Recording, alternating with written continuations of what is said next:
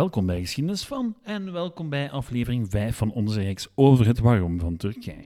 Het was een lange tocht, maar we zijn er bijna. Alleen moeten we nog in snelvaart door de Balkanoorlogen, de Eerste Wereldoorlog en de Turkse onafhankelijkheidsoorlog. Allemaal om uiteindelijk aan te komen bij datgene waar deze reeks om draaide: het waarom van Turkije.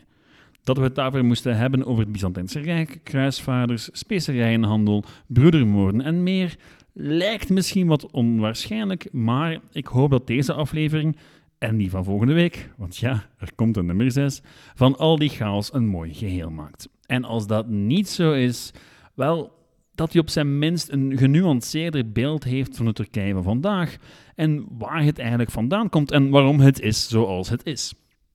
Ingewikkeld. Vandaag en volgende week volgen de koers elkaar op, maakt de Eerste Wereldoorlog een einde aan het Ottomaanse Rijk en reist er uit de assen en een door het Westen vergeten onafhankelijkheidsoorlog een gloednieuw land, Turkije. Dat en meer in deze aflevering van Geschiedenis van. Welkom.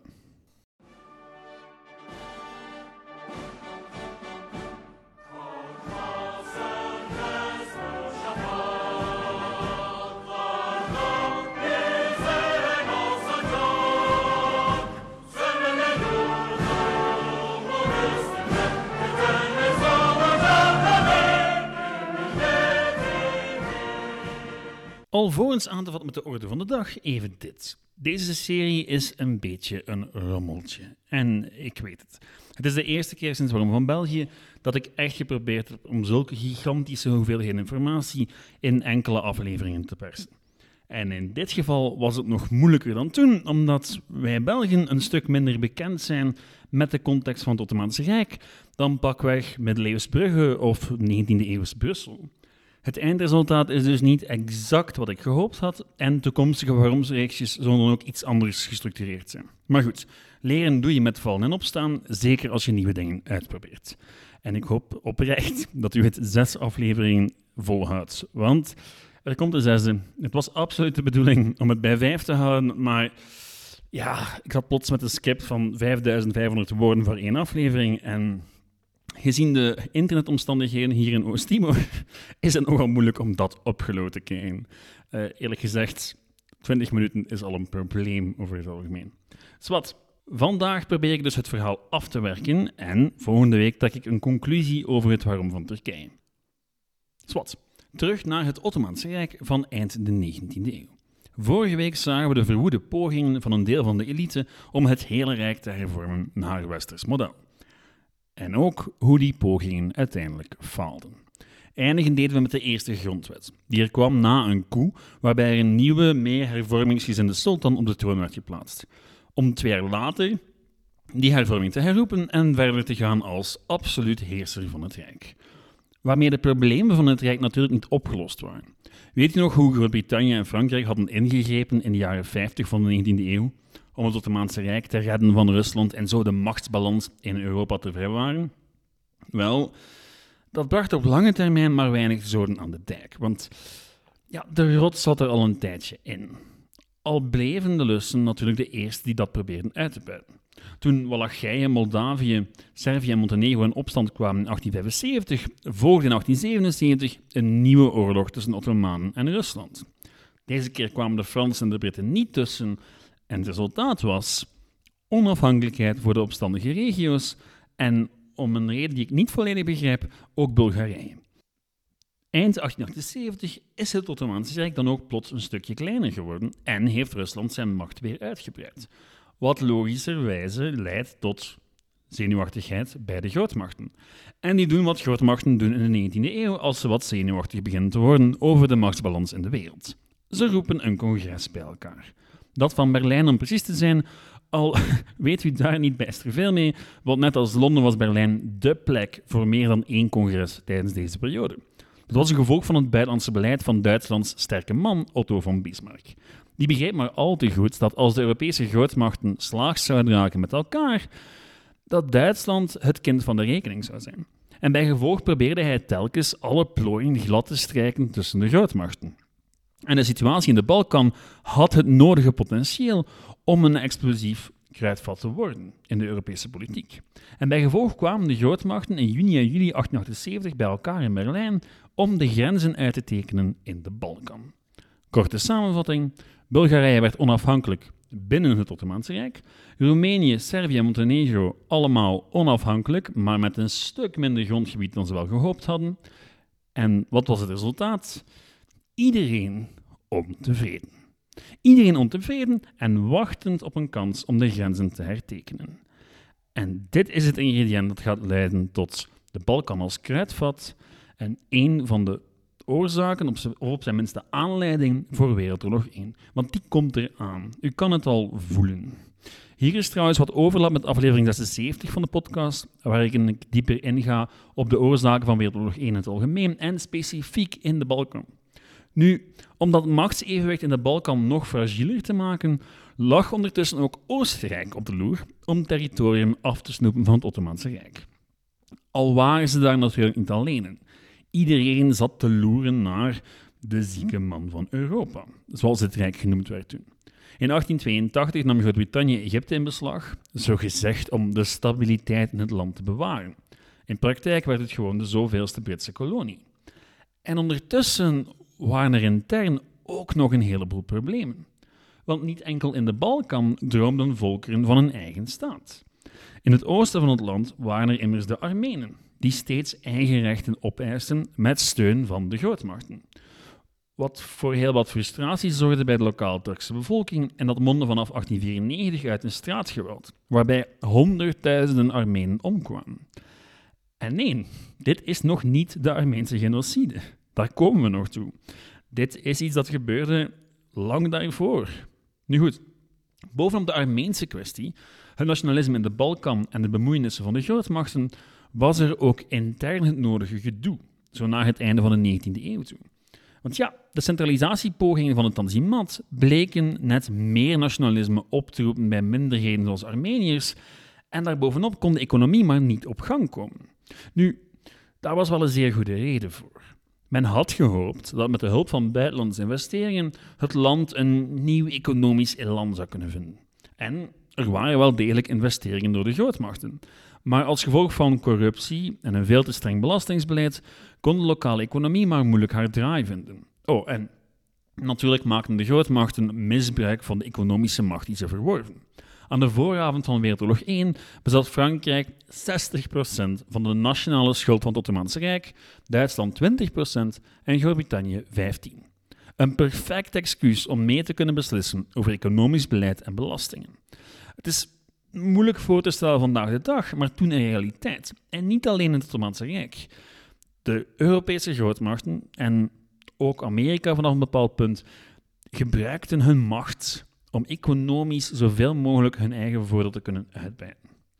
Nu goed, tel alles wat ik net heb opgesomd bij elkaar op en tja, het wordt duidelijk dat het Tanzimat mislukt was. En nog geen beetje. De man die door velen verantwoordelijk gehouden werd voor het mislukken was Abdulhamid II. De man die na een coup door hervormers op de troon was gezet, een grondwet had afgekondigd en twee jaar later diezelfde grondwet opzij had geschoven en terug was gekeerd naar een totalitair regime. En dat regime bleef maar duren. En dat zorgde voor heel wat ongeduld bij de jonge elite die afgestudeerd was aan de scholen en universiteiten opgericht tijdens de Tanzimat. Die waren geconfronteerd met een ja, westerse nationalistische manier van denken. En zij begonnen dus groepen te vormen waarvan de politieke leiders in het buitenland zaten maar de leden verspreid over het hele Ottomaanse Rijk. In de administratie, in het leger enzovoort. Deze jonge Turken, zoals ze genoemd werden, waren het dan wel ook niet over alles eens. Een grotere mate van democratie, dat wel, maar over economie en de positie van de minderheden binnen het Rijk, daar was men het niet helemaal over eens. Wat niet uitmaakte, zolang er een gemeenschappelijke vijand was: de sultan. Nu, tegen 1908 hadden een heleboel jonge officieren in het Ottomaanse leger zich aangesloten bij de jonge Turken. En toen duidelijk werd dat de Britten en de Russen het misschien op een akkoordje hadden gegooid om nog meer Ottomaans territorium op te splitsen tussen hen, was de maat vol voor de officieren van het derde leger. Een muiterij werd een opstand en redelijk snel kon Abdulhamid niet anders dan de grondwet opnieuw invoeren. En bij de verkiezingen won de Unionistische Partij die achter de opstand had gezeten, het meeste aantal zetels in het parlement. Verder was er nog liberale partij en een heleboel kleintjes die opkwamen voor de ene of de andere minderheid binnen het Rijk. Abdulhamid II probeerde in 1809 zijn kunststukje van 1887 nog eens te herhalen door een jaar na de revolutie opnieuw de macht te proberen grijpen, met de belofte om de sharia te herstellen en opnieuw absolute macht uit te oefenen. Nu, dat mislukte en Mehmed V volgde Abu Hamid II op. Nu, dit lijkt een nieuwe start voor het Ottomaanse Rijk. Ze zijn eindelijk verlost van een conservatieve, conservatieve sultan en misschien kunnen ze een doorstart maken. Maar het was eigenlijk al te laat, want de machine bleef piepen. En de gieren cirkelden al rond. Al onmiddellijk na de revolutie van 1908 besloot Oostenrijk-Hongarije om Bosnië-Herzegovina simpelweg te annexeren, zonder boe of ba. Ondertussen besloten de inwoners van Kreta om zich aan te sluiten bij Griekenland. En ja, het werd er gewoonweg niet beter op. In 1911 verklaarde Italië de oorlog aan het Rijk met het oog op Libië.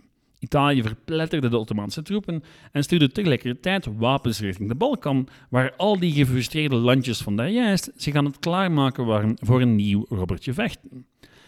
Dus ja, de oorlog met Italië was nog niet voorbij, of er brak al een nieuwe uit in de Balkan. De oude, zieke man van Europa leek nu werkelijk op instorten te staan. Servië, Montenegro, Griekenland en Bulgarije vielen gezamenlijk het Ottomaanse Rijk aan en al vlug moesten de Ottomaanse troepen zich terugtrekken richting Istanbul.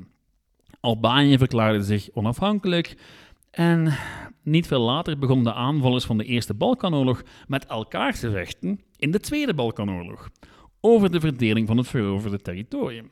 En daar stopte de ellende natuurlijk niet. Want al die nieuwe natiestaten hadden een zeer specifieke visie van hoe hun burgers eruit moesten zien.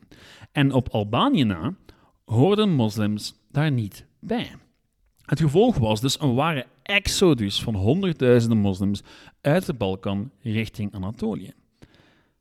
En de regering, wel, die wisselde om de haverklap. Want democratische politiek bleek even rommelig te zijn in het Ottomaanse Rijk als elders. Coups waren geen uitzondering, net als de gewelddadige executie van politieke tegenstanders.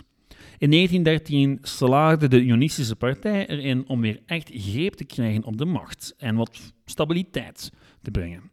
In datzelfde jaar arriveerde een zekere Otto Liman von Sanders in Istanbul, een Duitser dus. Een Duitse militair officier die was gestuurd om het Ottomaanse leger te helpen hervormen. Nu, terwijl dat allemaal gebeurde, doken ook op het Arabische Schiereiland de eerste onafhankelijkheidsbewegingen op en de Armeense bevolking roerde zich ook opnieuw. Al was het maar omdat ze nog altijd de slachtoffer waren van geweld. In 1908 hadden opnieuw grote slachtingen van Armenen plaatsgevonden in het oosten van Turkije. De Koerden, die trouwens verantwoordelijk waren voor een deel van dat geweld, begonnen ook ambities te hebben voor hun eigen staat. En dan zijn er natuurlijk ook nog de Joden die droomden van een aparte staat in Palestina. Het werd zeer moeilijk om in het Ottomaanse Rijk buiten Anatolië nog mensen te vinden die echt geloofden in dat rijk, of ja, daar eigenlijk trouw aan waren, blijven of niks wouden veranderen. Nu goed, dit is allemaal de situatie aan de vooravond van de Eerste Wereldoorlog. En naarmate er steeds meer naar uitzag dat die oorlogen zou komen, rees de vraag aan welke zijde de Ottomanen zich zouden scharen. In de regering droomden sommigen van een alliantie met de Britten, maar toen die een akkoord sloot met de erfvijand, de Russen, was de teling geworpen. Bulgarije was nog boos op de andere Balkanlanden vanwege de verdeling na de Eerste Balkanoorlog en werd dus al snel een bondgenoot. En Duitsland was maar al te blij om nog een vijand van Rusland aan boord te halen. Of waarom er in 1913 plots een Duitse officier verscheen om het hele Ottomaanse leger te hervormen.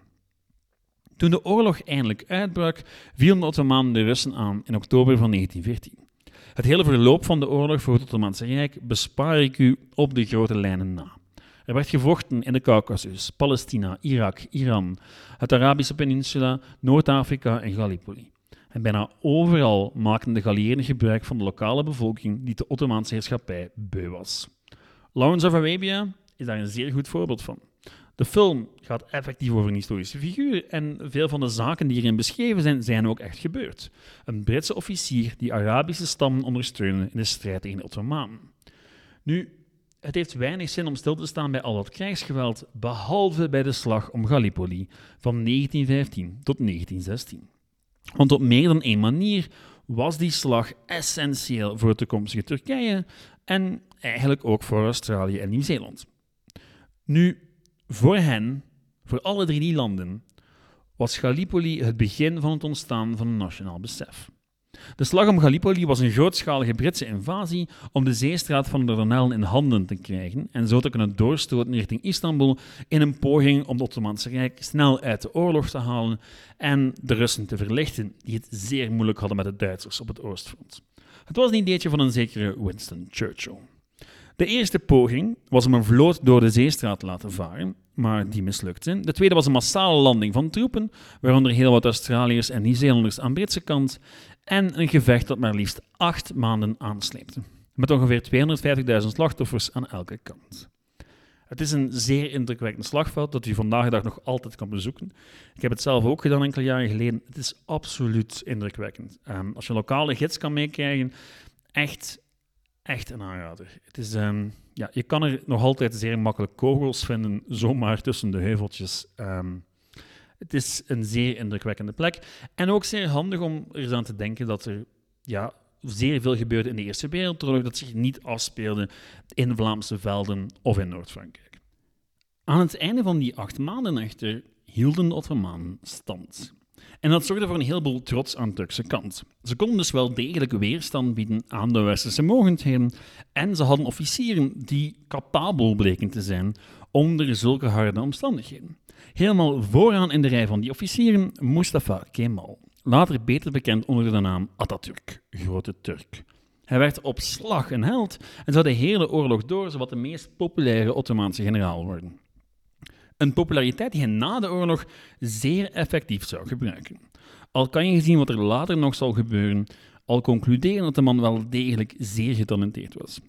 Nu, naarmate het einde van de oorlog naderde en het duidelijk werd dat de Ottomanen aan de verliezende kant zaten, begonnen de geallieerden plannen te maken voor de toekomst. Ook de toekomst van wat ooit het Ottomaanse Rijk was.